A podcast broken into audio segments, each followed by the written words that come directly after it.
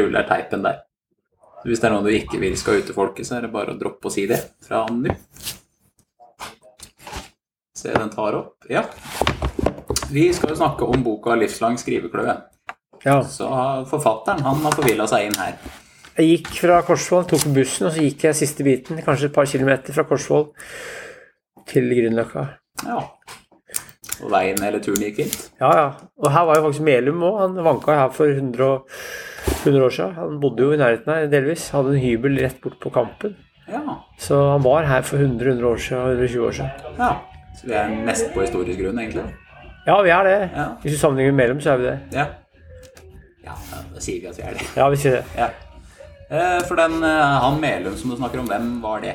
Anders Melum var født 15. august 1848 i Børsa i Skau. Og han var jo småbrukersønn. Faren eh, var bøkker og småbruker, Mathias. Mora Ingeborg var eh, from, snill, kristen dame. Så hadde han en bror som het Ola, og en som het Lars. Og så hadde han vel kanskje ei søster òg. Det var i hvert fall småbrukskår. Og han var født eh, da i en familie som var ressurssterk, for de var lesere, de likte å lese. De hadde god kunnskap om kristendom og religion. Så det var småkårsfolk, men ressurssterke folk. Han var glup. Han lærte seg å lese før han var sju år, har jeg lest, og hadde en egen avis som han delte ut i børsa. Allerede da han var sju år, så delte han ut en egen håndskreven avis til den nærmeste naboen oppi der. Ganske spesielt på 1850-tallet. Ja. Men sto, altså Var det sånn nyheter og ting som hadde skjedd lokalt rundt han, eller var det, fant han på historier, eller hva inneholdt den avisa? Begge deler, men det var nok særlig ting som han hørte og så i nabolaget. Han var en naturlig journalist, naturlig nyhetsjeger helt fra første stund. Ok.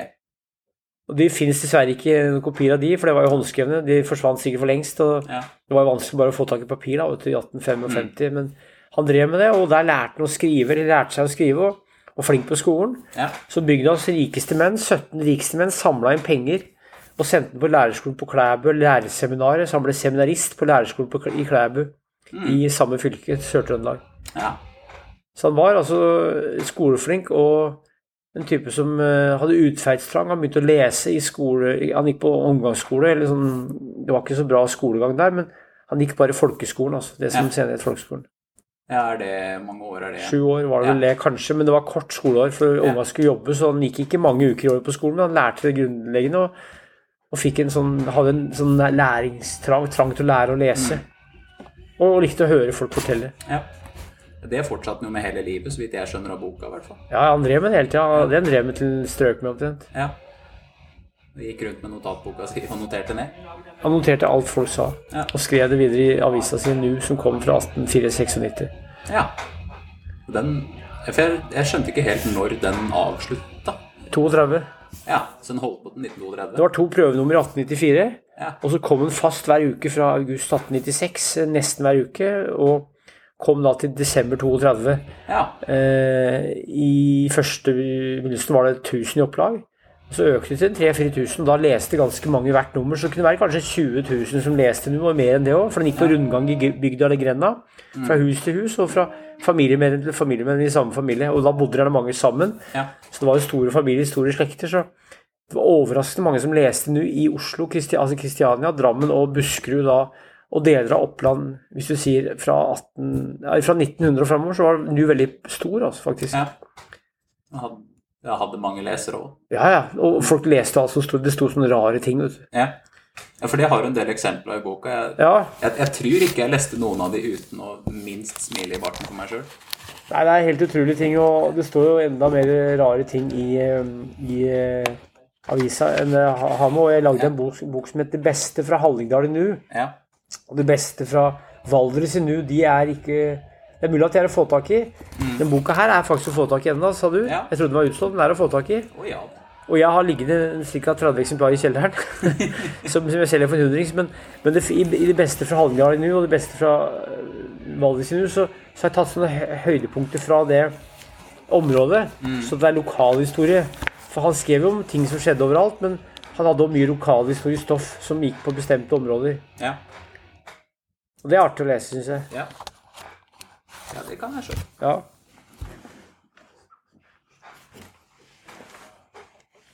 Vil du lese noen av de der i snuttene, eller? Jeg kan se om jeg finner en. For at det, Ja. på På side 125 så står det fra nu nummer 13 og 15 i 1923. Musa er overalt på gård og, på, og slott. Om våren føder den sine unger. Jeg satt i en stor stue i Hemsedal i vår mens folk spiste noen. For øvrig eter de oppe i fjellbygdene. De har ennå ikke begynt å spise. Rett som det var, datt noe lite og svartbrunt fra Slindo halvofte ned på gulvet. Det sparket litt med det ene bein idet det dasket mot gulvet mens det ble liggende straks stille. Jeg tok opp dyret etter rumpen. Det var en vakken liten musunge som hadde slått seg i hjel. Den ville vel i nu, men siden den nettopp kom der jeg satt. Og så er det òg en historie om at det var et albino lemen Ja. Som ble frakta fra Oslo til Bergen, eller fra Kristiania til Bergen. Det er artig. Ja. At det, var, fant, at det fantes et albino lemen. ja. Og det skrev så klart- medlemmen om. Han hadde en egen sånn nese for å få tak i sånne rare nyheter som ingen andre hørte, og i hvert fall ingen skrev om. Det var jo prosjektet hans var å skrive om det rare. Og det, gjennom, Ja. det, gjennom, det er gjennomført i hele karrieren og så lenge du eksisterte. Og det er ikke noe fortalt til folk. Så det er noe av det som gjorde at jeg skrev boka, var å få fram den her morsomme humoren og snerten i språket. Han skriver ganske bra, ikke sant? ja, han gjør det. Ja. Kjente jeg liksom skulle ønske at jeg var 100 år eldre, så jeg kunne fått med meg den avisen. Jeg har snakka med flere som Den, den det fins på Nasjonalbiblioteket. Ja, den gjør det. Så jeg leste da, da boka mi kom, så den kom i 2004, så leste jeg faktisk nå i originale utgaver. Ja. Jeg satt og bladde da innbundne årganger på Nasjonalbiblioteket. Nå må du muligens gå på mikrofilm, men Ja. jeg har òg liggende hjemme eh, et sted i huset mitt på Korsvoll, hvor det er ganske rotete delvis. Ja. Så ligger det da eh, noen gamle årganger av NU som jeg har fått eh, tilsendt av folk Eller kjøpt Jeg kjøpte noen og fikk tilsendt noen. Jeg har noen få nummer. altså Det, det er jo på papir. ja. Veldig artig. Ja. For det er en annen ting han skrev mye om, det var jo sånn etterhistorier og familie. Eller hvorfor familien var viktig, da. Han var veldig opptatt av familien Ja. og veldig opptatt av å dokumentere og snakka med de eldste i hvert eh, hus og i hver slekt. Og så dokumenterte han for at da han begynte å skrive ned det her på slutten av 1800-tallet, så var det ikke noe særlig Det fantes nesten ikke bygdebøker. Nei. Så bygdeboksjangeren hadde ikke oppstått. Ja. Og bygdebokforfatter i Hallingdal har hatt, og Ringerike har hatt veldig stor nytte av Melum sin jobb. Mm. Så han, han, opp, han oppfattet ikke den sjangeren, men han skjønte viktigheten av det. Ja. Og han skrev det òg med tanke på ettertida, så han var veldig bevisst på at det han gjorde Han visste at det kom til å bli lest senere, han visste at det kanskje ville dukke opp en sånn type som meg som skulle skrive en bok om den. Så Ja. jeg tror han var mye mer bevisst sånne ting enn det vi tror i dag. ja, det kan nok hende. Ja. For jeg, tenker, det er liksom, jeg syns det er litt artig at han som en singel mann i 80-åra på en måte skriver om viktigheten av familie. Ja, ja, han var jo forelska i ei dame. Han, han kom jo, Etter at han vært på Klæbu, så ble han sendt opp i Brønnø, eller Brønnøysund. Ja. Og Vega som omgangsskolelærer, og der ble han forelska i en elev. Og det er ikke lov, du kan ikke gifte deg med din egen elev. Nei. Så hun ville ikke ha han. Han fikk en knekk, hun dro til Amerika.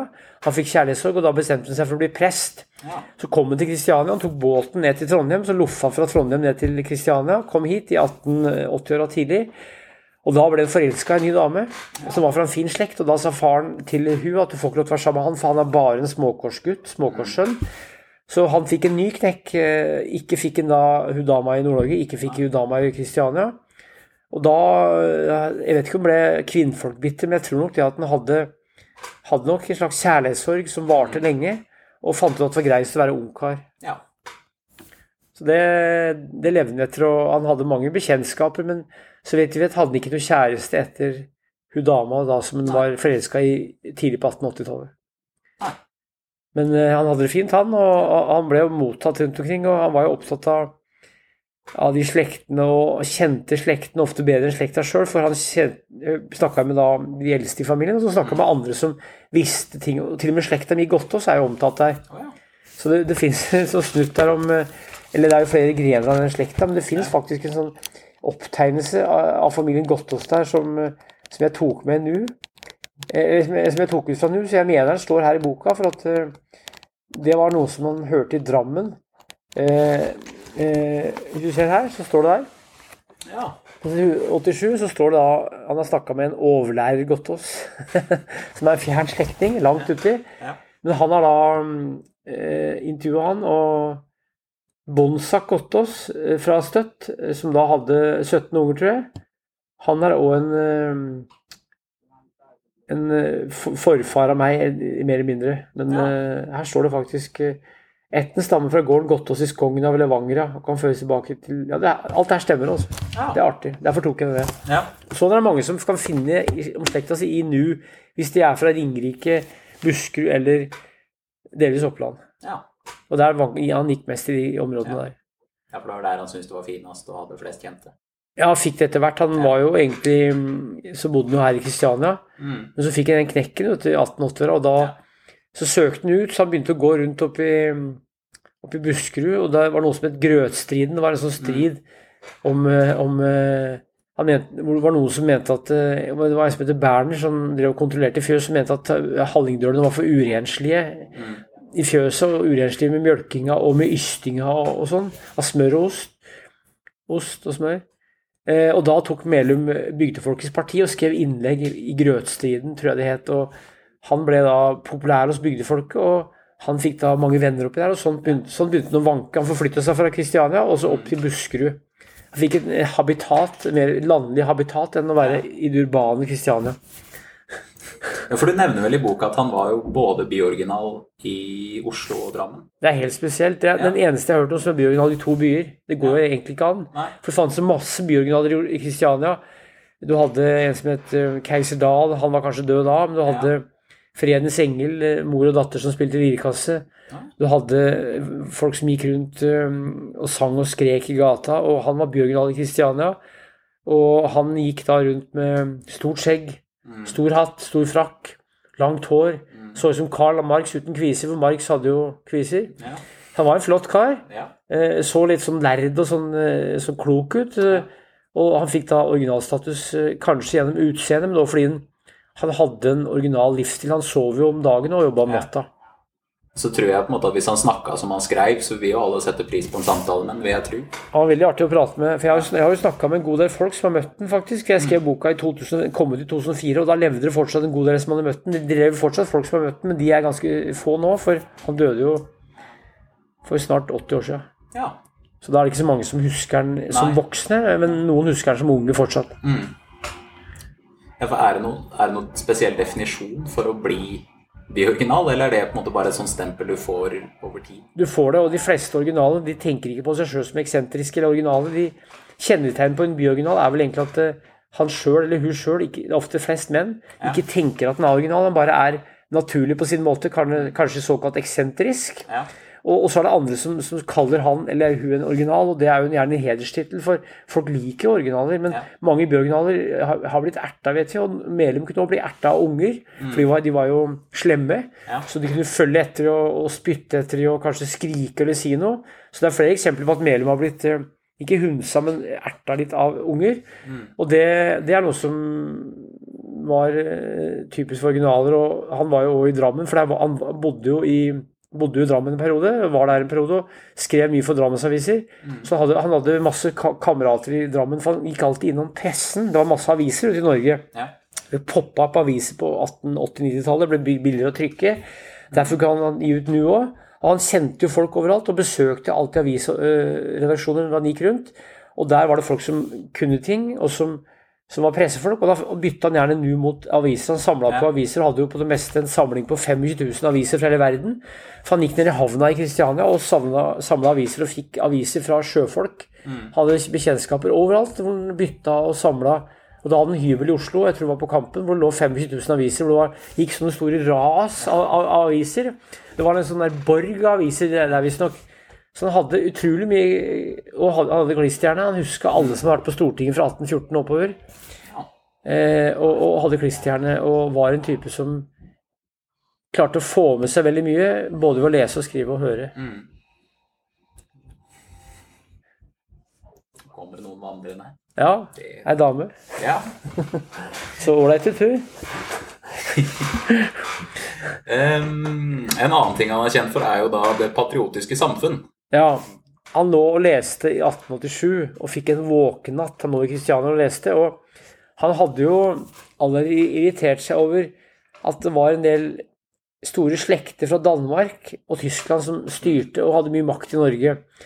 Hanseatene i Bergen de kom hit på 1200-1300-tallet fra Lübeck-området. Hanseater betyr vel i væpnet flokk, er det ikke det? Og han visste at det var mange dansker som hadde mye norske storgarder. og han irriterte seg særlig over at de her danske og tyske navnene, sånn som f.eks. det som slutter på rupp, det betyr jo rydning. Det er det samme som Sve eller Sveen i Norge, som er rydning. Det er bare et dansk Sveen-navn. Og f.eks. noen heter jo Smith, det betyr smed. Møller og Müller er Møller. Så han irriterte seg over en del, at en del danske, tyske gutter hadde dratt til Norge og fått veldig mye makt, for at mellom 1397 og 1814 var Norge union med Danmark. Og da var det mange dansker som dro hit og brukte da nettverket sitt og skaffa seg maks, skaffa seg gårder. Eh, og de, det her hang fortsatt igjen med. og det ble ansett som fint hvis du hadde et navn som het noe på rupp, eller som var litt fremmed. Det irriterte mellom seg over. Han lå og tenkte på det her i 1887. og så begynte han da i 1890 og hadde sånn etableringsmøte i Drammen, på Drammen Børs, hvor han stifta Det patriotiske samfunn, som et, skulle være et sånn samfunn av lokallag. Vi må huske på at 1905 var enda ikke skjedd. Norge var i ferd med å rive seg løs fra Sverige. Så var han, han, var veldig opptatt av frigjøringskampen der fra Sverige. Mm. Og de visste jo ikke da i 1890 at 1905 kom til å bli 1905, unionsoppløsninga. Så han eh, innkalte en del folk, og, og da ville han stifte lokallag rundt omkring i bygdene da, eh, hvor de skulle møtes, de skulle feire det norske, de skulle strikke, de skulle eh, ha bra samvær, de skulle jobbe for norskhet og selvstendighet og det særegne norske, og de skulle spare penger. Ja. Eh, det her begynte med, og det spredde seg rundt i Buskerud, masse lokallag. Så det, så det var en bevegelse som oppsto med noen tusen medlemmer, mm. stifta av Melum, og masse sånne små lag rundt omkring i bygdene, hvor det var gubber og kjerringer og unger og ungdommer som var med mest da voksne, men òg yngre medlemmer. De drakk mye øl, vet jeg, og spiste god mat og hørte Melum holde foredrag, oppbyggelig foredrag om nasjonen Norge for å styrke det, som han sa, den moralske fiber. Ja. Ganske artig. Ja. ja, for hadde det vært på en måte Hadde vi kalt det en konspirasjonsteori i dag, tror du? Jeg tror egentlig ikke det. Kanskje i, 19, kanskje da i 1890, da, men hvis det, det ble jo 1905. Ja. Så det var jo flere som jobba for norskhet. Nansen var veldig tilhenger av det. Og Melem hadde jo eh, Åsmund Olavsson Vinje som forbilde. Han, han, hadde avisa Dølen, som han ga ut, Dølen, som var skrevet i et personlig språk, uavhengig av det danske mer enn Melum. Han skrev mer danskinspirert språk. Så Dølen var et forbilde, og mange av de her gutta som kunne skrive og male og tegne og på den tida her, de var jo veldig tilhengere av at Norge skulle bli en selvstendig nasjon, mm. uavhengig av Sverige. Så det var en stemningsbølge i Norge, og Melum var et originalt innslag i det her. Så det var nok flere enn han som eh, da i så fall ville blitt kalt konspiratoriske. Men eh, ja. han hadde kanskje en del nevrotiske trekk. Han hadde forfølgelsesvanvidd. Han sov jo jævlig mye på dagen og hadde perioder med søvnløshet. Ja. Og da vet vi at han drakk enormt mye kaffe. Han røkte som en svamp. Og hvis du røyker mye, eller drikker mye kaffe Han røykte mindre etter hvert, men eh, mye pipe. Ja. Så, så, så, kan du godt skjønne at, at, eh, han kanskje hadde søvnmangel og jobba enormt mye òg. Skrev mye. så eh, Lite søvn kan ha gjort at han har fått en del sånne tvangstanker eller forfølgelsesvanvidd. Eh, han, han, mente at folk var ute etter noe en periode i Oslo, Kristiania 1890, og så ble han erta en del unger, vet vi. Mm. Og det kan være grunnen til at han da begynte å gå mer opp i Hallingdal, tror jeg. At han ble rett og slett erta og sett på som en raring på en negativ måte. For du kunne være original på noen positiv måte, og han ble sett på som mer I hvert fall mente han sjøl at mange mente at han var en, en sånn tulling, en bygdetulling. Han var trønder, han trivdes kanskje ikke så bra i Kristiania. Hadde ikke noe Etter at han slutta å ha hybel på Kampen, så, så, begynte han å gå, og da hadde han ikke noe bosted i Kristiania. Han overnatta mye hos Nicolai Olsens trykkeri, mm. som lå i Møllergata like ved Møllergata 19. Var, det var et trykkeri med opptil 60 ansatte, hvor han fikk trykt avisa nå, og der overnatta han. For de jobba mye om natta, trykkere, og da kunne han være der om natta. Veit du om han laga seg sånn, en sånn avisborg der inne også? Jeg tror ikke det, men han hadde, han hadde en stol han satt i. Ja. Kom dit og kunne bare Han var sånn som Det her var jo en tid hvor um, ting var veldig uhøytidelig, det var ikke så mm. formelt. han, han hadde jo kontakter overalt, og de syntes det var moro å snakke med han og se han, så han slapper overalt, og dørene var jo åpne, så han kom bare da dit, og der sov han. Og så henta han siste nummer nu, og så dro han videre. Ja sånn fort og gæli inn. Ja, ja. Den kom ut hver uke, og så han var inne der ganske ofte. Han sendte jo gjerne Han kunne lese inn, eller sende da stoff med jernbanen eller hvor som helst fra der han var. Ja. Og, så, og, så, ble det trykka på Nicolai Olsens trykkeri. Så han var veldig sånn tidsriktig og flink til å utnytte moderne tekniske anretninger. Ja. Sjøl om han var gammeldags. Han lærte f.eks. aldri å sykle. Han klarte ikke å sykle. Og sykkelen kom jo i 1880-90, og det ble sagt at mange var redd for at de skulle sykle for at det, da ville det kunne ødelegge ansiktet, for at det var så mye vind at det kunne ødelegge ansiktet. Eh, Det het seg òg at det ble mindre innavl da sykkelen kom, for da kunne folk sykle til nabobygda i stedet for å bare gå over skigarden for å finne seg kjerring. Så han, han holdt mye på det gamle, men var òg ganske moderne og telegraferte, telefonerte. og vet at Han kunne, han kjente mange sånne telefondamer rundt omkring på telefonsentraler, så han kunne låne telefoner. og I den tida så kunne du ofte ringe gratis, for at han eh, det kosta å koble seg på nettet, men det kosta ikke noe å ringe. Så hvis du var kobla på nettet, så kunne du ringe en viss avstand uten å betale. Og der eh, hadde Mæhle masse kontakter. Han kunne sitte i en sånn derre på en telefonsentral og, og, og sende stoff, lese stoff og sende stoff med brev eller med toget. Han var f.eks. i Hallingdal, så kunne han gå på toget og gi da et brev eller et manus til de på toget.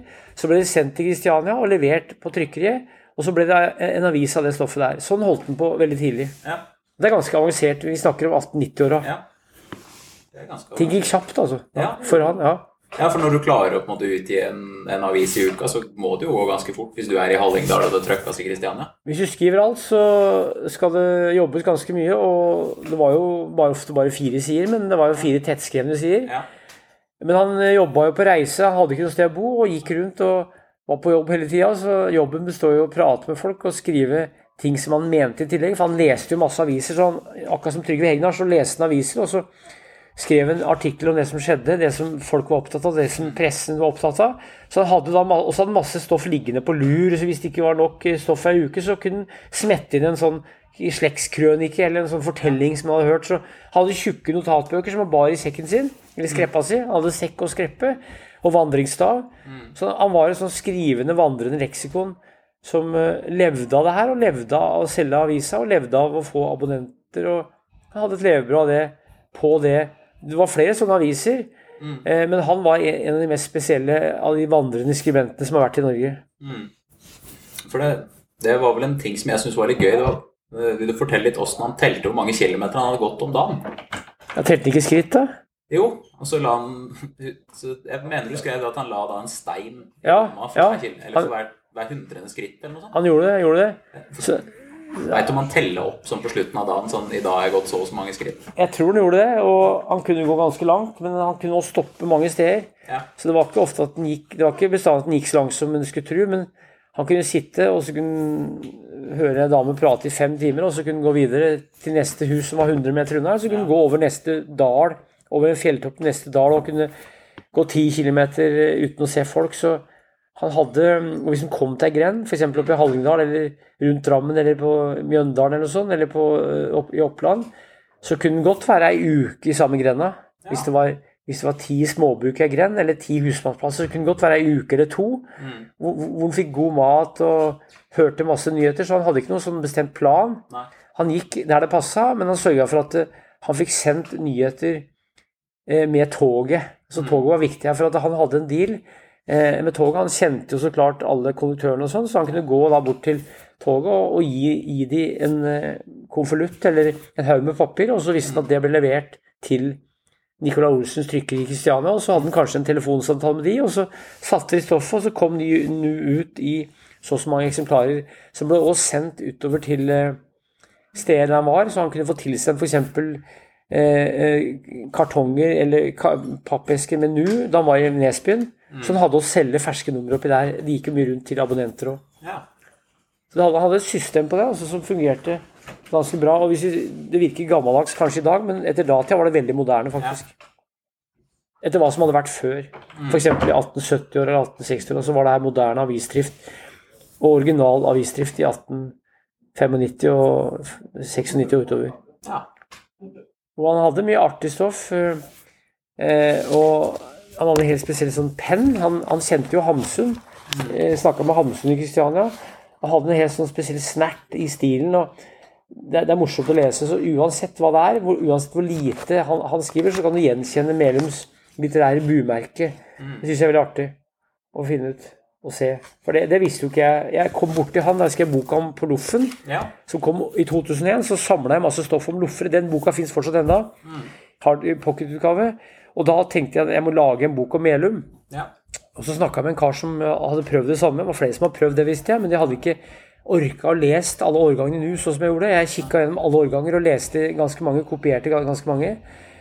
Brukte en god del tid på det, og da fant jeg stoff. Han skrev faktisk i nu så skrev han om både livet sitt og om familiehistorien og om forhold som jeg kunne putte inn i boka. Altså, hvis du bare kikka litt på nu, så ville du si at det var umulig å skrive livshistorie. Men hvis du leste nu sånn som jeg gjorde grundig, så, så fant jeg nok stoff til å veve sammen til det, det som ble boka 'Livslang skrivekløe'. Og tittelen syns jeg er ålreit, for han hadde virkelig skrivekløe. Ja. Han led av livslang skrivekløe og ble jo gammel. ja. Blei jo det jo. Ja, Noe som nesten var litt overraska. han vaska seg ikke, vet du. Nei. Så det var mange på den tida som ikke vaska seg. De, het, de sa det var farligere å vaske seg å å- Altså fett og møkk Mm. og klær isolerte mot både kulde og sol. Ja. Så han, det ble sagt at han ikke vaska seg de siste 50 åra. Jeg vet ikke om det stemmer, men han, han sa det da han var gammel, at han ikke hadde vaska seg på 50 år. Ja. Eh, og jeg har snakka med folk som hadde besøk av han, han lukta veldig spesielt. Ja. Han lukta av bål, han lukta av sigaretter, han lukta av kaffe. Mm. Kanskje litt av øl, og han drakk ikke mye øl, men han lukta litt av øl av og til òg. Ja. Og da får du en bestemt, bestemt eim i kroppen. Han hadde jo frakker. Mm. Og det sies at uh, ei prestekone syntes den frakken var så gammel og fillete, så hun hadde mens hun lå og sov, så hadde hun dratt av den, den gamle Han så ganske tungt, ble det sagt. Mm. Dratt av den gamle frakken, og så hekta på en ny frakk som hadde tilhørt den presten, så han fikk en prestepress sin frakk, og gikk videre i den. Så han bytta kanskje frakk eh, av og til, eh, men så men han vaska ikke klærne. Og det var jo mange som levde sånn, så vanlige folk vaska seg kanskje hver lørdag. Ja. Det var mest, De barberte seg kanskje hver lørdag med kniv. Etter hvert barberblad. Men det var, det var ganske vanlig at folk vaska seg bare før jul. Eh, Mange som da drev i landbruket, gjorde det. og eh, jeg snakka med gamle folk som levde da. De sa at folk hadde sin egen lukt. altså Hver person hadde en egen lukt. Så hvis du jobba på sagbruk, så lukta du kanskje tre. Jobba du på bensinstasjon, lukta du kanskje olje. Var du snekker, så lukta du tre. Var du gardbruk, lukta du kanskje gris eller ku. Var du husmor, så lukta du kjøkkenmat. Folk hadde sine egne lukter. Og de hadde medlemmer som var en stram lukt, som satt igjen i huset. Så han hadde vært på besøk, så pleide kjerringene å vaske da der han hadde sittet. For han satt jo gjerne med en stol ved ovnen. Han likte ikke å sove i seng. Han sov eh, gjerne? Nei, altså han, Hvis han kom et sted, så, så var det jo gjerne sånn at folk hadde faste senger. Og noen hadde gjestesenger. Da kunne de sove i det, men han likte å sitte oppe etter at folk hadde lagt seg, for å skrive og jobbe. Ja.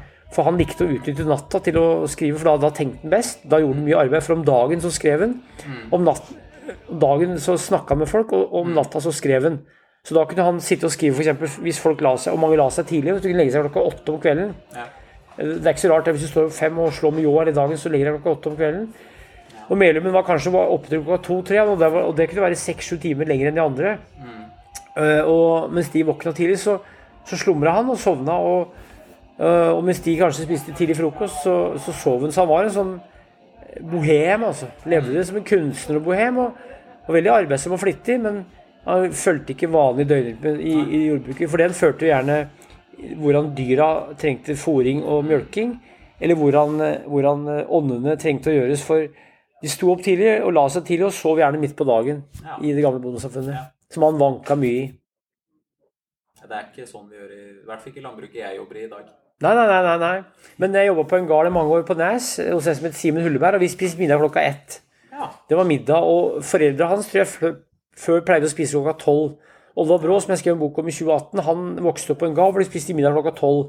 ja. Og da sov faren på gulvet. Han sov kanskje en halvtime etterpå. Så la han seg ned på, på harde gulvet og så sov der. Så det var vanlig at folk la seg ned på gulvet og sov etter at de spiste middag sånn i tolvtida. Da hadde de gjerne stått opp i femtida. Og hvis du sover en halvtime eller time midt på dagen, så var det veldig mye krefter. Du blir utfylt. Du kan jobbe fram til, til kvelden. Så det var en rasjonell måte å dele da, kløve dagen i to på. Ja. Så du fikk en arbeidsøkt eller to før, og så en arbeidsøkt eller to etterpå. Særlig i åndene så var det viktig å utnytte dagslyset. Ja. Så sov du mer om vinteren. ja. Det høres fornuftig ut. De utnytta lyset og hadde ikke så mange muligheter og måtte prøve å overleve så godt de kunne etter naturens syklus. Så, så, sånn hadde det vært i kanskje hundrevis av år. Mm. Mange steder. Ja. Og det var det Melum levde etter. Han, han likte seg best på landsbygda. Han, han syntes det var for mye lys og bråk i byen og for mye folk. Mm. Så han trivdes best på landsbygda. Ja, for var han også litt sånn da at han måtte utnytta lyset litt? Eller han gjorde vel kanskje ikke det når han skrev på natta? Han satt jo ved en sånn, eh, enten et stearinlys eller en parafinlampe, for det var mange som hadde parafinlampe, og noen hadde strøm òg, så han gjorde jo det. Eh, han trengte ikke mye, han brukte ikke briller. Jeg har aldri sett bildene med briller. Så han satt mye sånn sparsomt lys og skrev og leste. Han satt jo og leste mye òg. Bø Han skrev bøker, og han skrev bøker mens han var i Nordland. Så han hadde bøker om Nordland som han solgte, og solgte jo og bytta til seg. Ofte så kom han et sted, så ga han da kanskje et nummer av Nu eller en bok, mot at han fikk da overnatte og, og spise. Så han brukte naturalia, veldig mye byttehandel, han var ikke så opptatt av penger. Nei. Han uh, ga egentlig blaffen i det. Han hadde nok en del kontanter på seg, men, men eh, det var ikke penger som var motivet. Han var, eh, Var det litt som med andre loffer, at han hadde sydd det inn i frakken og sånn? Medlem hadde ikke det, men det finnes jo eksempler på at loffer har sydd penger inn i, klærne. En som het Spretnils døde på 30-tallet, hadde 40 000 på seg. Men mange loffer hadde sydd inn penger i klærne. og eh, Noen hadde store sånne skrin som de bar, på i ryggsekken, eller i skreppa. Og andre hadde stor pengepung.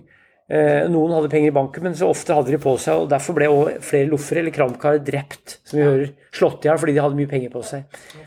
Melum er så vidt jeg vet aldri blitt Han ble kanskje blitt overfalt et par ganger, men jeg tror ikke han bar så mye kontanter på seg. Altså. Nei. Han likte ikke å ha for mye penger på seg, tror jeg. Nei. Nei, og så hadde han på en måte ikke behov for det heller. Nei, han, eh, han trenger Det viktigste for ham var å få mat Ja. og, og for å få overnatte. Og han var veldig ansett som gjest, så han kunne bare gå et sted. Og så visste han at folk tok han inn, og hvis ikke han fikk sove i huset, så fikk han sove på låven. Ja. Men han sov stort sett i huset, for på låven så var det Lofra som sov. Og han var, ranger, han var en vagabonderende litterat. Ja. Men han rangerte over Lofra, for Lofra var jo folk som gikk fra sted til sted. Mange jobba. Melum han jobba ikke noe særlig, han tok ikke på seg noe særlig kroppsarbeid, for mange av Lofra de kløvde ved og snekra og var med i ånda slo mye òg. Mens Melum han, eh, han var en skribent. Han, eh, han hadde hatt mye kroppsarbeid i oppveksten, han òg, men han likte best å skrive og, og høre de gamle fortelle. For på et gardsbruk var det gjerne en gamling eller to som lå i senga, og de satt han og hørte på. For at eh, hvis de ikke klarte arbeid, så lå de gjerne i senga på et kammers og, og, og slappe av fordi de ikke klarte noe annet. Og, og dit dro Melum, og, og sanka folklore som da kom i nu, som enten ferskt stoff eller som historisk stoff om ting som eh, hadde vært skjedd før. Ja. Jeg hørte jo om siamesiske tvillinger og folk som fikk fillinger, firlinger. Og, så det er, det er utrolig sånne historier som, eh, som han hørte. Det er ikke alt som står i boka. Nei. Det står mye mer i nu, altså. Og som Ja. sagt så var bygdebokforfatterne i Hallingdal, jeg snakka med flere, og i, på Ringerike, de har brukt Melum veldig, veldig mye. For, for han var jo da eh, en folkeminnesamler. For hvis vi går til 1840-50, så var det noe som heter Asbjørnsen Moe. Jørgen Moe fra, var fra eh, Ringerike. Asbjørnsen var fra Oslo, Kristiania. De var folkeminnesamlere, så selv om bygdeboksjangeren ikke fantes, så fantes folkeminnegranskeren. Den fantes. Eh, de hadde begynt eh, en som het Faye, som samla sang. En som het Hermundstad og Skar. Det var mange folkeminnesamlere som, som gikk rundt i Norge på slutten av 1800-tallet. Så Melum var jo folkeminnesamler, men han, han samla i tillegg til eventyr og sagn eh, Det de ofte hadde gjort før, var å samle eventyr og sagn og fortellertradisjon om forskjellige skikker. Melum gjorde òg det, men han hadde i tillegg det her fokuset på slekter og slektshistorie som de fleste folkeminnesamlere ikke var interessert i. De var interessert i å samle eventyr og sagn og trosforestillinger og eh, fortellinger som, som, som kunne bygge en norsk identitet eh, som toppa seg med unionsoppløsningen i 1905. Så det var en del av prosjektet til de her folkeminnesamlerne, var også da, eh, styrke en norsk identitet. For forhistorien før det var en som het P.A. Munch, som skrev masse bøker om norsk historie. Eh, Han ble ikke gammel, han ble bare noen og 50 år. P.A. Munch satt nede i, nede i Vatikanet, og han satt rundt i Riksarkivet og sånn, leste bøker og gamle kilder. Eh, Han var med på å f- løfte norsk forhistorie, for å, så vi fikk en identitet som vi kunne, kunne bli stolte av noe. og Det var mange som holdt på sånn, men Melum hadde en egen variant av det. Det er ikke så mange som kan så mye om det, men jeg studerte folkeminne på Blindern, og da lærte vi mye om den nasjonale reisningen, eh, eh, åndelige reisningen, som Nansen, Fridtjof Nansen var en del av. Han gikk jo på ski over Grønland i 1888 og skrev boka som kom et år etterpå. Så vi gikk jo egentlig på ski ut til unionen med Sverige. Skihopping og langrenn, det ble norske idrettsgrener, og skøyteløp. Så, og, og Holmenkollen ble skisportens Olympia. Melum gikk ikke på ski, men han var en del av den nasjonale reisningen. Men med et av de mest originale bidraga. På sin måte utrettelig og ikke lønna av noen, for noen av de her hadde jo statsstipend. Han Jon Guldal, som f.eks. han lensmannen oppe i Hole, Ja. han hadde jo, han var egentlig fra Røros, han hadde jo statsstipend, fikk det etter hvert, fikk 500 kroner året. Var Jon Guldal, det var han som sendte inn jobbsøknad på Rim, var det ikke det? Ja, det var det. Varg Villvold. Vi- Han kalte seg Varg Villvold og skrev masse. Han Vi- Villvold skrivestue. Han har jeg sett masse stoff etter Ja. oppe i Hole. Han, han var kompis av Melum. Han hadde etter hvert statsstipend, men han hadde jo masse unger, så han, han levde jo som lensmann òg. Men eh, Melum han var ikke lønna av noen. Han, han klarte seg sjøl. Levde på NU sine abonnenter, og på salg av blader og på salg av bøker. og og på å være en sånn type som bytta til seg ting. Trengte jo ikke mye. Han kjøpte jo aldri klær. og Hadde ikke noe husleie, han. Hadde veldig lite utgifter. Den store utgiften var til papir. Ja.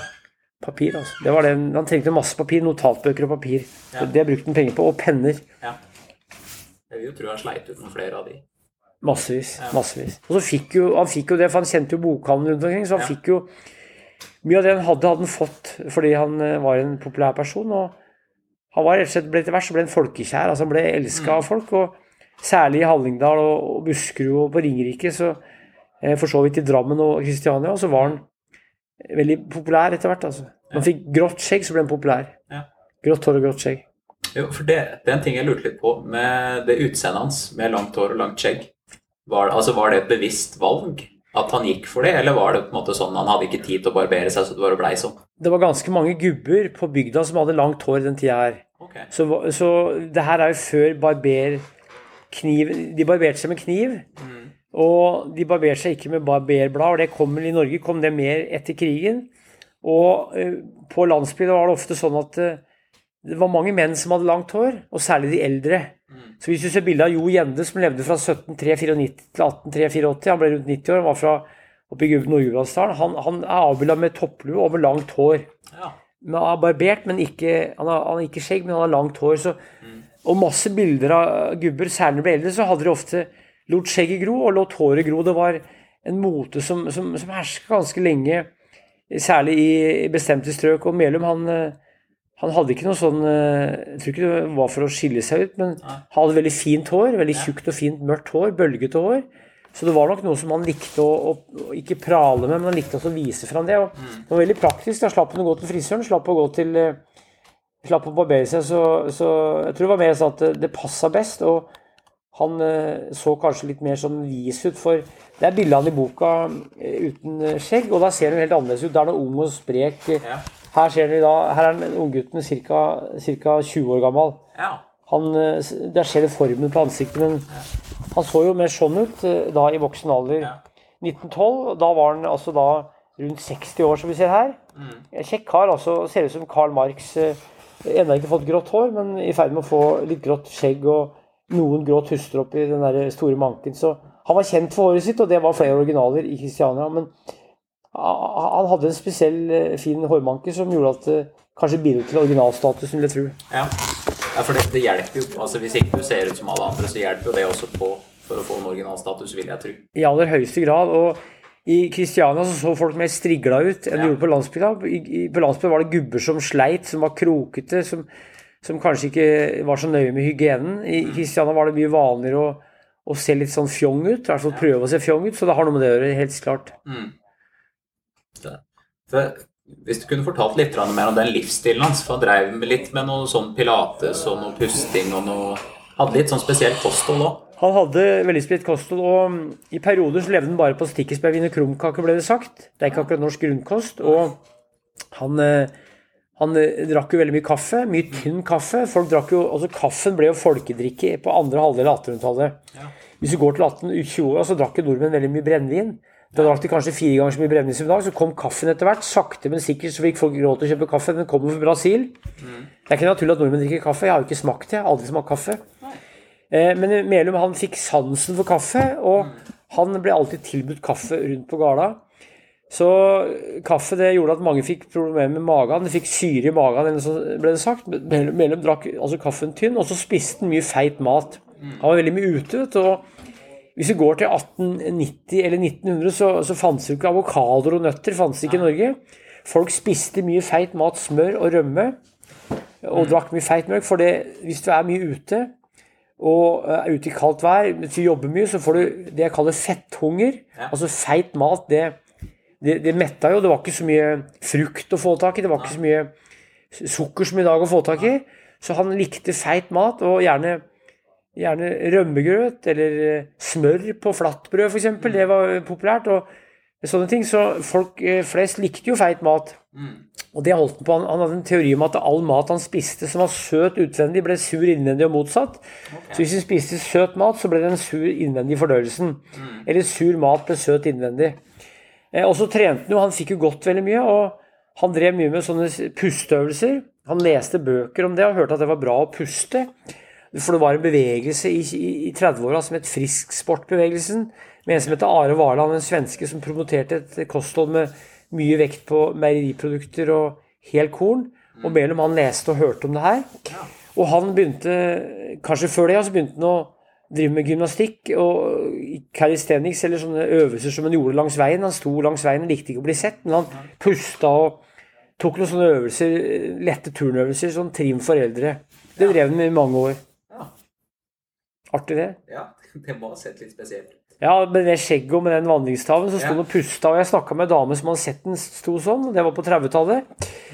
Og da sto han og pusta og uh, gjorde noen sånne øvelser som kanskje vi kan kalle gymnastikk, eller ja. sånne tøyøvelser. Det, det, det, det skjønte han at det var bra, og det gjorde han eh, visstnok hver eneste dag i mange år. Ja, ja det, altså, det fungerte jo. Han blei jo gammel, vil jeg si. Han ble gammel, og han var sprek veldig lenge. Han, eh, han, eh, han gikk sjøl til var over 90 år. Han eh, gikk jo Nu slutta å komme i 1932.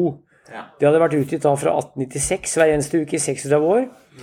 Han hadde fortsatt mange numre NU etter at eh, det slutta å komme, så han solgte det bladet og brukte det bladet som byttemiddel i mange år framover.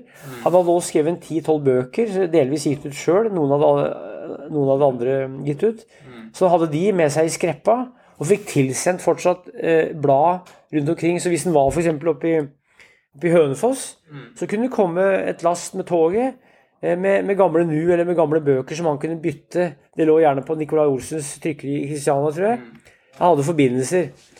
Så, så, så han, han levde sånn eh, videre, og han eh, Da krigen kom, så ble det forbudt å gå i Norge. Ja. Altså Du måtte ha bevis for å gå fra eh, krysse sånne bestemte grenser som tyskere har satt opp. Du måtte ha reisepass og reisebevis. Sånn har det vært òg på begynnelsen av 1800-tallet. Det var faktisk sånn fram til 1860. Men det, ble, det forsvant. Men under krigen så kom det her. Og da øh, Det hadde jo vært 10 000 loffer i Norge under krigen. Og eh, Det var ca. 10 000 loffer sommeren 1935, anslagsvis. Og, og de måtte jo slutte å gå.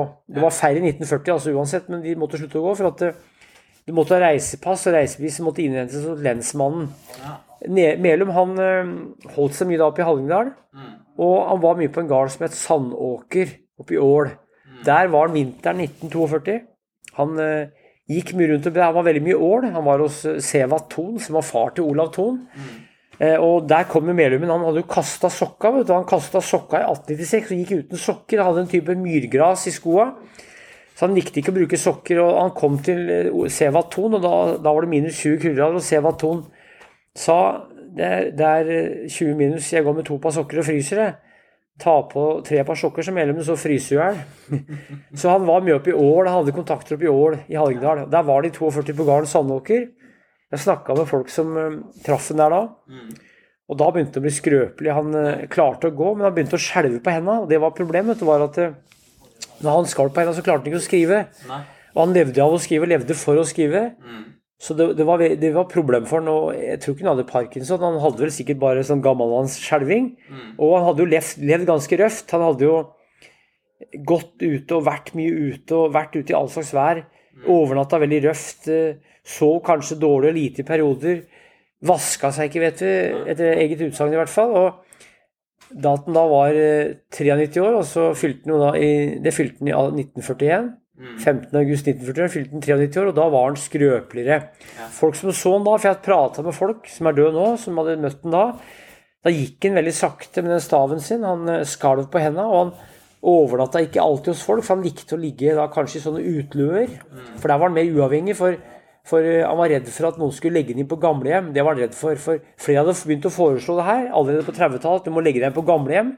Det var et sånn hjem som var i hver eneste bygd. Ikke sykehjem, men gamlehjem. De, de som ikke klarte eller orka jobbe, og de som ikke hadde noen til å ta vare på seg, de, de la seg på gamlehjem, eller ble lagt inn på gamlehjem. Ja. Det nekta han. Men i 1942, da hadde han vært oppe i Sandåker, og han gikk nedover, eller tok toget, kom ned til eh, Sokna, og der eh, orka han ikke å, å dra til noen folk, så han dro til utløet der, og sov i ei utløe.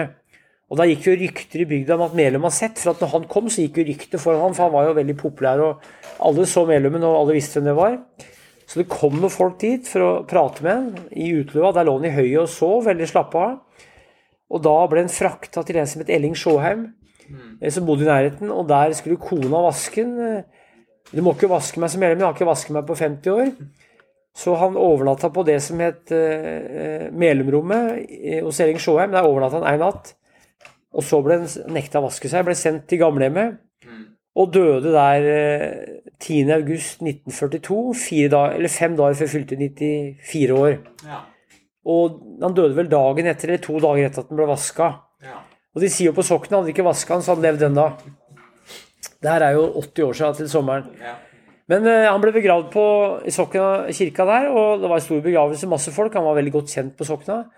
Og der er det en veldig fin gravstein som står på den kirkegården. Jeg har vært på den gravsteinen på kirkegården, og den eh, har en sånn byste av Melum sitt hue. Ja. Så det er en fotballbane like ved, så hvis du spiller fotball, så hender det at ballen treffer huet til Melum, så nikker han ballen tilbake. så jeg var der, så var det faktisk en fotballkamp. Ja. Så han ligger på sokken av kirke. Det var jo ikke planlagt for han å dø der, men der ble han tatt hånd om av venner. Og, og der lever fortsatt minnet om Numannen. For han ble jo kalt Numannen. Han ble kalt det, altså. Numannen. Han blir fortsatt kalt en numann. Hvis du snakker med eldre folk oppi der, så har de hørt om Numannen. Ja. Ikke, de tynnes ut, de òg, men det er fortsatt noen gamlinger oppi der som, som både i Hallingdal og i, på Ringerike som, og i Drammen som husker Numannen. Og da er det Anders Mehlum som kanskje foreldre har fortalt om, eller de sjøl har sett som unger. ja.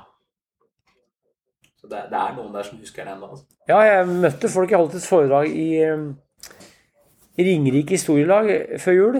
Ja. Og der var det flere som uh, huska han. Jeg tror ikke de hadde sett den, men de hadde hørt om den av foreldra. Ja. For hvis du er 80 år, så har jo folk eh, gjerne sett den. Foreldra har kanskje sett den på 20-30-tallet. Og Olav Thon, som blir 99 år i år, han husker Numannen. Han var jo hos, uh, hos Thon oppe i Ål mm. på 20- og 30-tallet, og jeg intervjua de to søstrene til Olav Thon. Der skrev boka. Jeg tok toget opp til Ål, og så sykla jeg opp i, opp i lia der. Og der, der var jeg eh, og snakka med to eldre damer i 2004 som, som hadde møtt Melumen på, på 20- og 30-tallet. Ja. Det er artig, for jeg, rakk jo å snakke med noen tidsvitner. Det er moro, for at det, som folkemedgansker er det viktig å snakke med folk før de dør, for etterpå er det for seint. ja. Det er for så vidt sant. Ja. Ja, um, så nevner du en ting som ikke jeg veit hva er for noe. for Sånne vittighetsblader. Det kom veldig mange blader i Norge på den tida her. altså Hvis vi er tilbake til 1900. Det var noe som het Vikingen, eh, blant annet. Et vittighetsblad. Og de hadde eh, tegninger som eh, skulle illustrere nyhetsbildet. F.eks. hvis det var noe som skjedde i nyhetsbildet, så kunne de tegne karikaturtegninger av en politiker eller en idrettsmann eller en eh, musiker eller en skuespiller. Og der var Melum flere ganger omtalt eh, og, karikert som en sånn som en sånn underlig skrue og original. Eh, han leste Vittighetsblad sjøl, han var, eh, var eh, bare syntes det var morsomt han å bli karikert, for det var en ære. Ja. Eh, og det var eh, noe som eh, Det var overraskende mange Vittighetsblad i Norge.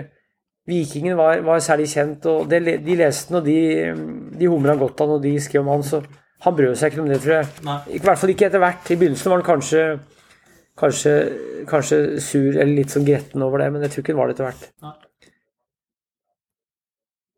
Ja, og så var det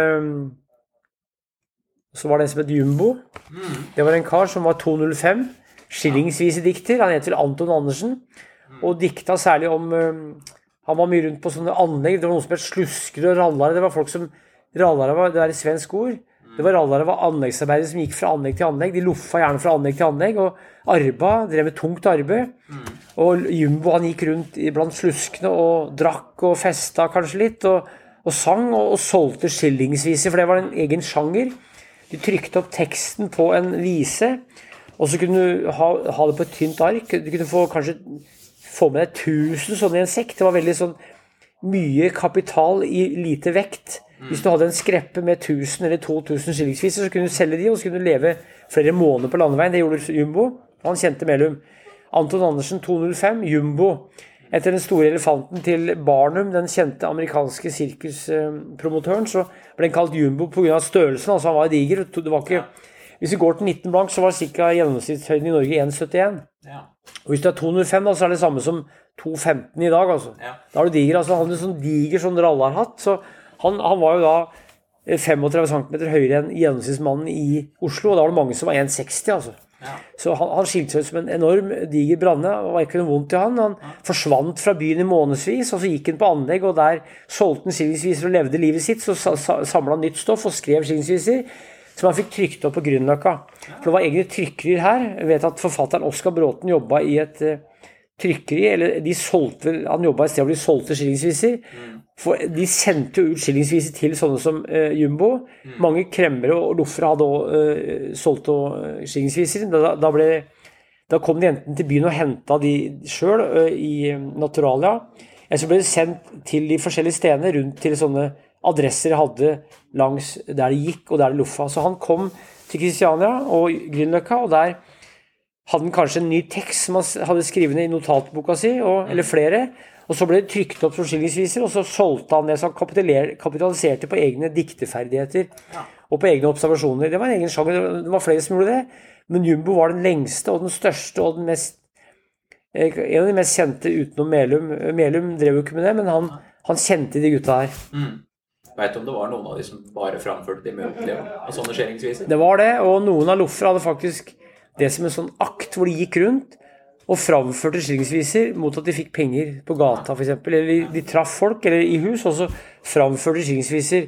Eh, Det kunne være enten at de leste eller sang det. Gatesanger var en egen sjanger, det òg. Ja. Så det fantes I Kristiania var det kanskje, kanskje 50 gatesangere for 100 år siden. Altså, Pluss minus. Det var folk som var gatesangere. Noen var lasaroner og drakk, andre var mer sånne fromme gubber som sto og sang. Så det var sånne typer, ikke på hvert gatehjørne, men ganske mye av det rundt i byen. For byen var jo veldig konsentrert. Det var ikke så stort sentrum som i dag. så og mange av de som var der, var mest i byen. altså De var ikke så mye utafor, de holdt seg nede i kjernen. Folk bodde mye trangere enn i dag. Mange som bodde kunne vært ti stykker i en leilighet. og det kunne være, På Grünerløkka skole var det over 2000 elever. I 1907 åpna den, tror jeg, eller rundt der. Den åpna på begynnelsen av 1900-tallet. Det var 2000 elever. Eh, så det var store barnekull og stor innflytting til byen. Og masse vrimla folk i gatene. Ja. Og det var, når folk bodde trangt, så var- var det oftere ute. Så da var det mer fristende å være ute utendørs, eller ja. utenom huset. Det eneste de gjorde inne, var å sove. Ja. Så lekte og ute og gikk på ski og jobba, og folk jobba lenge, så det var nok mer sånn livlig gateliv på en annen måte enn i dag. Mm. I dag er det livlig gateliv fordi folk ikke jobber. ja, det er faktisk Ja, ja. Vi har tid til å lusje rundt på dagtid når Ja. som helst, hvor som helst, hvem som helst.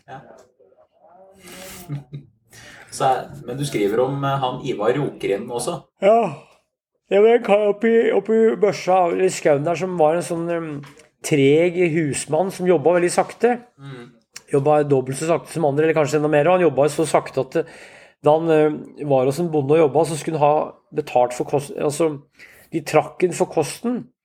Og da betydde det at han fikk mindre lønn fordi de spiste der. Og da han var ferdig med å jobbe, så hadde han jobba så sakte og spist så mye at han skyldte egentlig penger.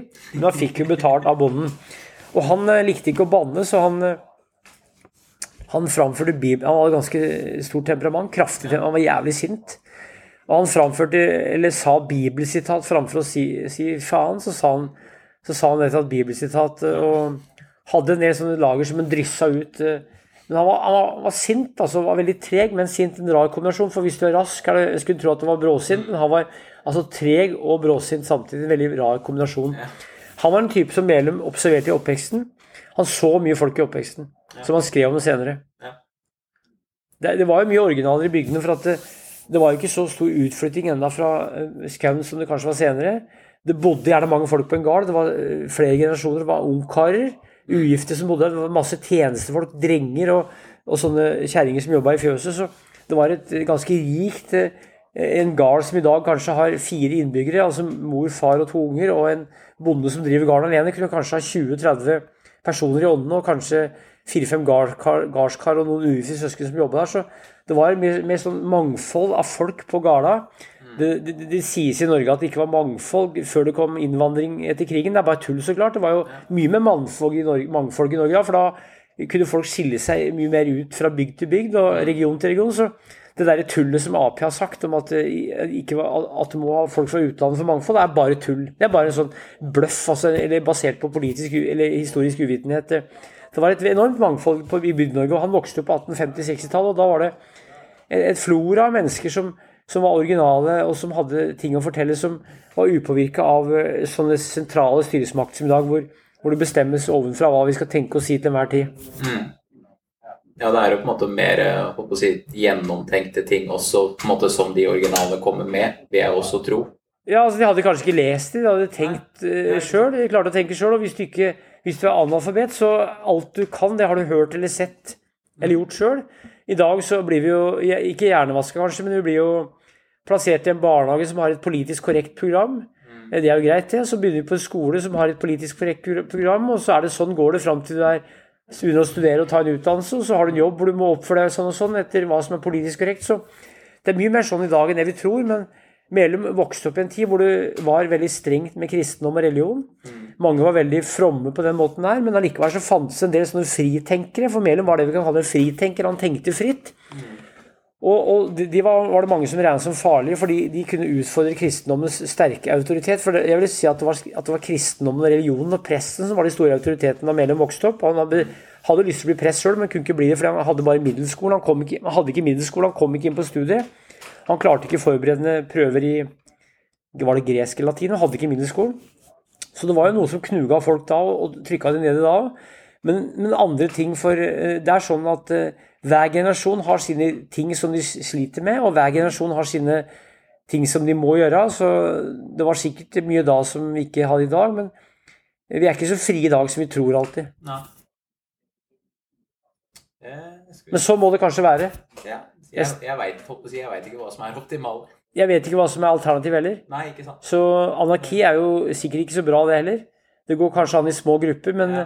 Men internett er jo en slags anarkistisk, et slags anarkistisk forum. Men mye blir jo sensurert der òg. Ja. Men det finnes jo lukkede forum. Men, eh, så jeg tror det at ytringsfriheten i Norge på mange måter i dag er større, større enn var på Melums tid. For, for, eh, for, for da var jo prestene strenge på en annen måte enn i dag, og presteskapet. Men han hadde sin egen avis, mm. og, og da fikk han framme meninga si. Han var opptatt av at han hadde en egen avis, og da kunne han skrive den meningen og si det han mente. For han var jo beskyldt for, før han hadde, avisa, for å si og skrive og mene ting som ikke passa inn i pressen.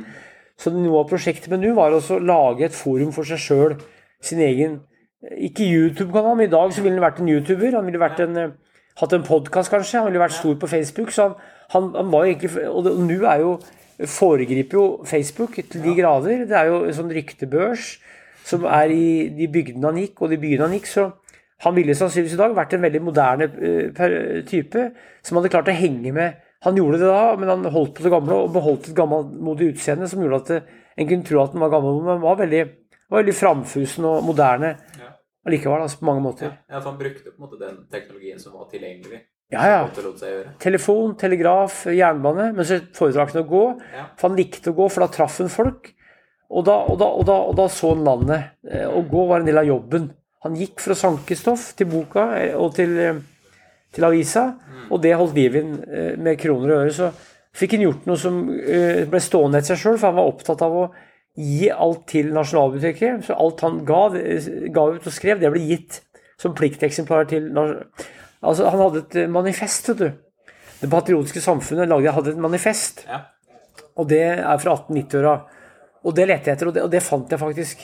Ja. Så det fins. Ja. Så, så, manifestet til Melum, som er snart 130 år gammelt, det fins. Eh, over 130 år gammelt, det fins. Og det hadde han klart å Det ble trykt opp, det var noen få sider, og det fant jeg faktisk. Det er helt utrolig at det, det fins, altså. For det sto ikke nå, men Nei. noe av det sto nå, men det fins et eget manifest som han sørga for at Nasjonalbiblioteket, daværende jeg tror det er universitetsbiblioteket da, mm. fikk av han for de skal levere et visst antall plikteksemplarer alt som gis ut. Han, var, han var bevisst sin egen posisjon, tror jeg, men visste ikke at vi skulle sitte og snakke om han i dag Nei. i 2022. Eller at jeg skulle skrive boka i 2004. Men han, han tenkte på ettertida og, og regnet med at noen ville gripe fatt i noe av det han skrev. For det var nyttig folklore da, men han visste at sånn blir ofte nyttigere når tida går. Mm. Og mer interessant og mer kuriøst. Ja. Ja, for det er, jo, det, er jo, det er jo morsommere å lese om det i dag, når på en måte samfunnet vårt er så langt unna det det var, eller den perioden han skriver om. da. Det er morsomt både fordi det er gammelt, og fordi det er morsomt. Så det er enda morsommere fordi det er gammelt. Ja. Og annerledes. Og lærerikt. Ja. Og, og, og, og, og så har det Melum sin eh, litterære snert og det bumerket, så det gjør det ekstra originalt og morsomt. og hvis ting er originalt, så er det alltid artig å lese hvis det er bra skrevet. Hvis du skriver som et kommunestyrereferat, så er det få som gidder å lese det 100 år senere. Ja, det kan du si. Ja. Så har holdt på sin egen skrivemåte. Ja. Eh, jeg bare håper vi kunne eh, ta noen utdrag også, ja. for det, det er bl.a. et om uh, hvor effektivt frykt var som giktmedisin. Jeg husker ikke helt hvor det sto. hen. Det, jeg, kan, jeg kan sitte og bla nå. Hvis du, for at nå sitter jeg og blar fra begynnelsen, og så kan jeg ta, skal jeg lese noen sånne sitater. Vil du det? Gjerne det. Ja. Og, og, og um, eh, Jeg kan um, Hvor mange vil du ha? Så mange du har lyst til å lese opp. Jeg kan lese opp noe fra, fra Jeg har noe fra Noe som er fra Klæbu, da med ungdom. Mm. Vi levde i Klæbu, 80 ungdommer, et fullstendig munkeliv. Vi kunne gå i parken og et stort stykke på veien og lese, men vi måtte ikke uten bestyrerens lov gå inn til noen, ikke engang til lappeskomakeren eh, med store støvler. Men det ble arbeidet, kan du tro. Det herskede et frihetsvrøvl ved skolene er utvilsomt en fristelse og hemsko for unge mennesker som vil og, og kan fram. Vi gjør jo ingenting nå. Møter og kaffedriveri. Vi hadde våre lekser, og vi hadde rikt utbytte av årene, og rike minner etter dem. Utenfor leksene hadde vi et bra bibliotek som holdt, eller fikk Aftenblad, og det lærte mange av oss nesten utenat. Skal jeg lese det sånn han skrev det, jeg skal jeg lese det moderne? Det kan du velge sjøl. Ja, for at eh, noe av det er jo veldig sånn gammel dansk, vet du. Eller, Ja. Så hvis jeg leser Hvis jeg leser um, Hvis jeg leser det så, ja, ja så, så, så blir det mer forståelig, altså. Han skrev jo boka 'Hallingen og Hallingdølen'.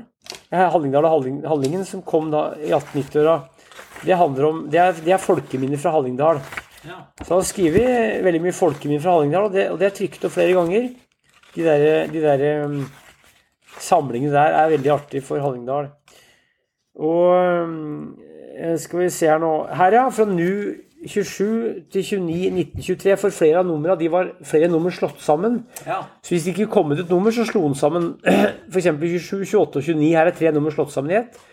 Her er en historie som sto Det er fra 23. Ola Mollbakken i Torpo døde for 40 år siden. Men før sin død levde han lenge og ble en gammel mann som spekulerte over mange ting i menneskelivet. En gang tenkte han seg til den faste overbevisning at det var bare en uvane å spise. Han ville sette sin overbevisning på prøve. Uten å spise reiste han om morgenen inn på åsen etter et kjelkelass med høy. Han kom hjem igjen med lass og spiste heller ikke om kvelden.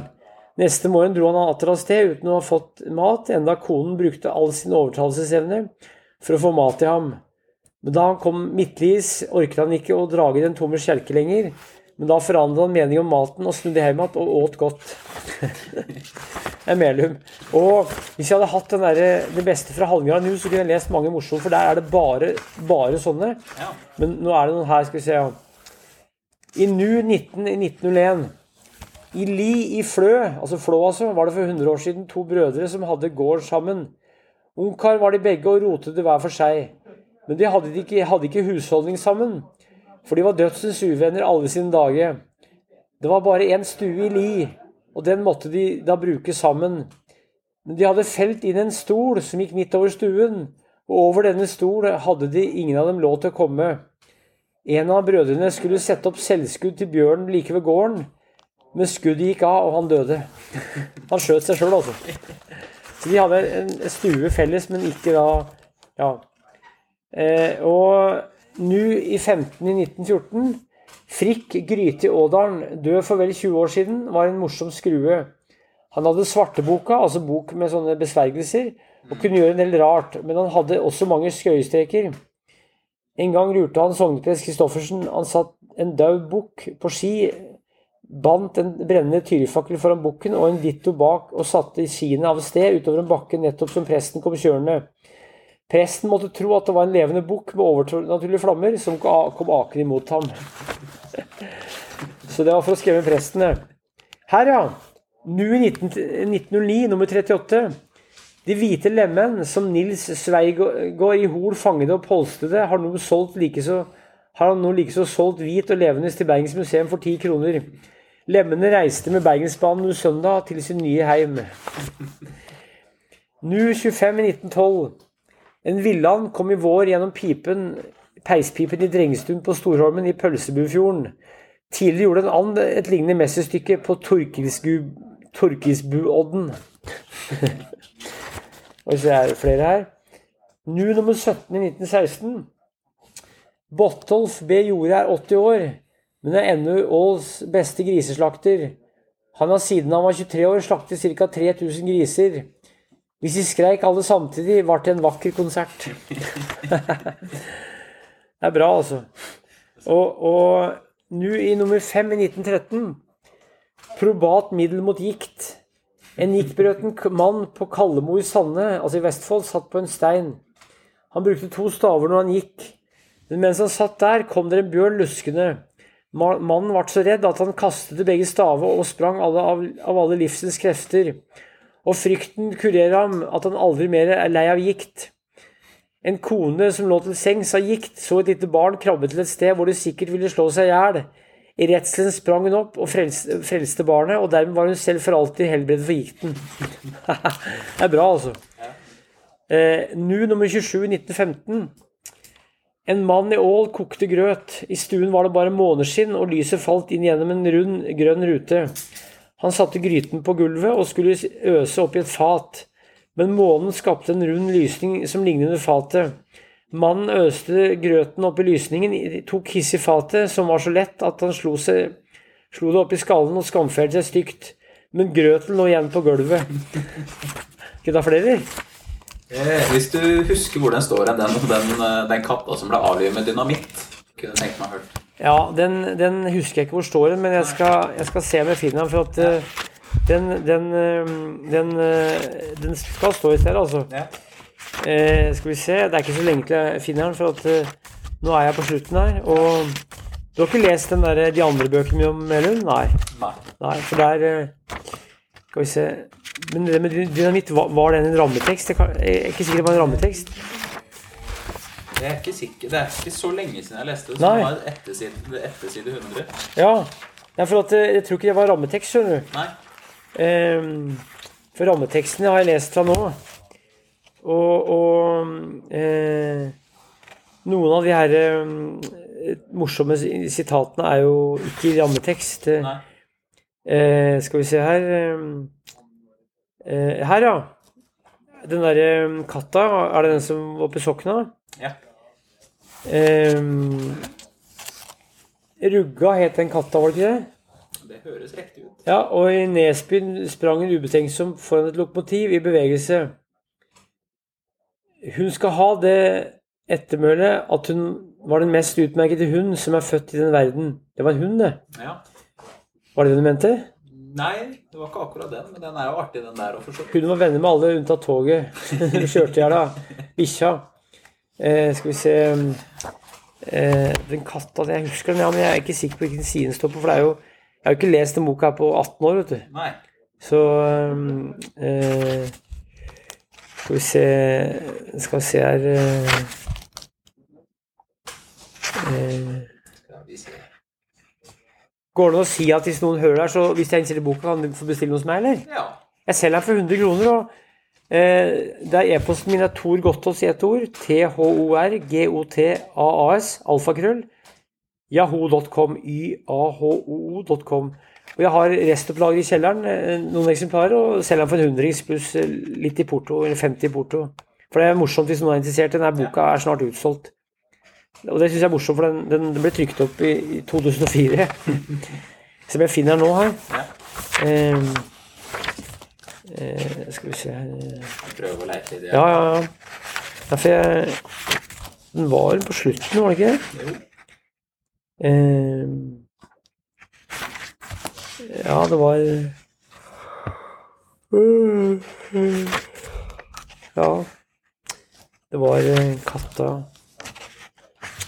ja, for det er så mange sånne Ja, det er liksom så mange sånne artige småting. Ja, det er, det er sånne småting som krydrer hele boka. Og, ja. Boka er et forsøk på å skrive en bok som er i Melum sin ånd. Ja. Både teksten med et lett språk, Mm. og med sånne anekdoter som han likte. Som eh, eh, flette inn i For det var mye humor i den skrev. vet du. Han, Mm. Hamsun hadde mye humor, vet du, men det hadde Melum nå. Ja. Kanskje en litt annen type humor, men eh, det, det var lært nok, den humoren der. Ja. Så han eh, skrev da sånn at eh, Ja, for det er det som er litt gøy. At det er litt sånne Jeg liker å kalle det for litt sånn sleivspark med noe substans. At han på en måte forteller noe, og så skriver det på en artig måte, eller på en måte tar inn en, en vinkling på den saken som de ikke har tenkt over. Det er en sånn egen snert og en, sleivspark som er morsomme, uten at det, han sparker heller oppover. Han sparker ikke nedover. Nei. Sparker oppover hvis du sparker noe sted, eller bortover. Så det er veldig morsomt, og, den egne, den egne humoren den speiler seg i hele boka og i hele, hele news, eh, alle de tekstene her. Og noen av bøkene er jo òg veldig prega av det. Noen av bøkene er vanlige sånne naturskildringer, andre er andre er um, Finner ikke den der katta. Så det, eh, han søkte om pensjon da, i en alder av 88 år. Yes. Så han fikk litt, um, han fikk litt pensjon, faktisk. Det fikk en eh, Han hadde vært lærer, så han fikk litt pensjon. Ja. eh, Det var ikke mye. Jeg forskrev jo ikke også det at det var den, den mest originale pensjonssøknaden de hadde sett på Stortinget noen gang. Det var det. Han fikk 420 kroner i pensjon i 1937. Så det var jo ikke så verst, det. Nei. Så han hadde faktisk på slutten av livet en pensjon. eh, Og det, det, det, det kom godt med, for at han var jo ikke noe Han var ikke noe riking, akkurat. Ja da. Men eh, jeg ser ikke som jeg finner, eller? Nei. Skal du runde av snart, eller? Eh, Jeg veit ikke helt. Jeg er vel for så vidt gjennom det jeg har her. Ja, for, ja, ja, for at eh, Melum han var jo en del av en, en, en tradisjon hvor det var flere som han. Vinje gikk som sagt rundt og skrev. Det var flere skillingsvises eh, diktere. Og det var flere som skrev og solgte bøker. Melum er det mest originale. Det var mange landstrykkere loffere. Jeg skrev en bok som het På loffen, som sagt. Og det var kramkar, kremmere. Det var rallare, sluske, det var religiøse svermer, det var lirkassemenn fra Italia. Og det var de som het kolportører. Det var de som solgte blader. For mange blader og bøker da, det ble solgt på forhånd. Hvor de bestilte og tinga på f.eks. da en bok kunne først komme som hefteserie. Hvor det kanskje kom ett kapittel i uka eller ett kapittel i måneden. Så var det til slutt en samla bok som var utgitt. Og de som solgte det, de ble kalt kolportører. Solgte de gjerne for flere forskjellige Ja, de gjorde det. jeg gjorde det. Solgte for forlaget i Oslo. ja. Og gikk rundt med skreppe og hadde med prøveeksemplar av, av brosjyrer og av bøker. Og Melum han er i den, i den tradisjonen nå, så han er en kolportør i tillegg. Ja. Så han var ikke så vanlig som han kan, uvanlig som han kan virke i dag, men han var allikevel uvanlig fordi han var den personen han var. Ja. Og det er artig å lage en bok om en sånn type, for eh, det er fordøyelig lesning, og det er interessant å lese om Norge som et Norge som er borte, som aldri kommer igjen. Som folkemiljøgransker så er jeg opptatt av å dokumentere ting som, som er borte. Ja. Og hente fram det du er, altså Basert på de andre bøkene du har skrevet, så er det jo veldig mye sånn å ta fram det de fleste egentlig ikke veit noe om. Dess mer usynlig det er i historien, dess mer interessant er det for meg. Ja. Så nå er det flere personer og sånne typer jeg driver lukter på å skrive om, fordi det dukker stadig opp personer og skjebner og emner som det går an å skrive om. Ja. Det er egentlig masse, masse planer, altså. Ja. Så det kommer flere sånne bøker som Jeg skal skrive en bok om en som heter Ture Sølver. Jeg skrev en bok om en som heter Josef Helvete, en Ja. tømmerhøger på Dokka. Den boka kom ut i 2016, det er fortsatt eh, mulig å få tak i den nå. Men jeg skal skrive en bok om en som heter Ture Sølver. Ja. En kar som var tømmerhogger og bodde på Toten eh, og døde i 88, 1988. Han er fortsatt mange som vet noe om. Ture Sølver. En eneboer. Jeg koia oppi der. Det kommer etter hvert. Ja. Og så skal jeg skrive om flere sånne Jeg har, har planer om ferie, altså. Men i tillegg nå skriver jeg om en bok som heter Norske hoppbakker, som kommer til høsten. Ja. Det kom på Gyldendal til høsten. Norske hoppbakker. Det er jeg godt i gang med. Ja, for jeg, jeg mener jo i den boka du skrev at nå er det sannsynligvis ferdig med, med vandrestoffet for denne gang, eller noe sånt, tror jeg du skrev. Ja, jeg har jo tenkt at jeg kanskje er ferdig med vannestoff, men Turi Sølv var ikke noen loffer, han var bofast. Ja. Så da er det mer enebordsjangeren jeg beveger meg over i. Ja. Men det er mulig jeg skriver en bok om en, eh, en loffer òg. Jeg har muligens eh, det å snuse på en skjebne som Vil se hva jeg finner av stoff. Mm. Men, men eh, det er alltid interessant å Det fins flere etater jeg kunne si om òg. Ja. Og jeg har, har annet en sånn selvbiografi til en loffer, men den er så tragisk at jeg ikke orker å gjøre den til en bok. Det er forferdelig lesning. Men jeg har òg en, en, en vandrer til jeg kanskje skal skrive om. Så, så det blir nok noe mer vandrestoff, tipper jeg, i løpet av de nærmeste to-tre åra. ja. Blir spennende. Det er én bok jeg har faktisk begynt om, om en vandrer. Men jeg vil ikke si hva han het. Men, men det kommer sannsynligvis i løpet av noen år. Ja. Så vente i spenning. Ja, ja. Jeg må Bare sjekke at jeg har fått med alt lurt her. Det meste. Ja. Og som sagt, den medlemboka er å få tak i hos meg hvis noen er interessert. 100 kroner. Den er å få tak i ellers, tror jeg, men jeg, jeg trodde den var utsolgt. Ja, men da sa du at den ikke var utsolgt fra forlaget. Jeg eh, satt plutselig med to stykker igjen. Det, Gjorde du det? Ja, jeg hadde Ja. plutselig kjøpt en fra Spartacus og en fra Ark. Å ja. Oh, ja. ja. Men da, da finnes det. Men jeg, men jeg har liggende jeg tror, jeg, tror ikke de har så mange som meg, for jeg har liggende kanskje 40 i kjelleren. altså. Ja. Og så er den vel halvparten av prisen hos deg, tror jeg. Ja, jeg selger den billig. jeg vet, 100 kroner. Er Passe pris, det. Ja. Ja. Nei, men takk skal du ha. Sjøl takk.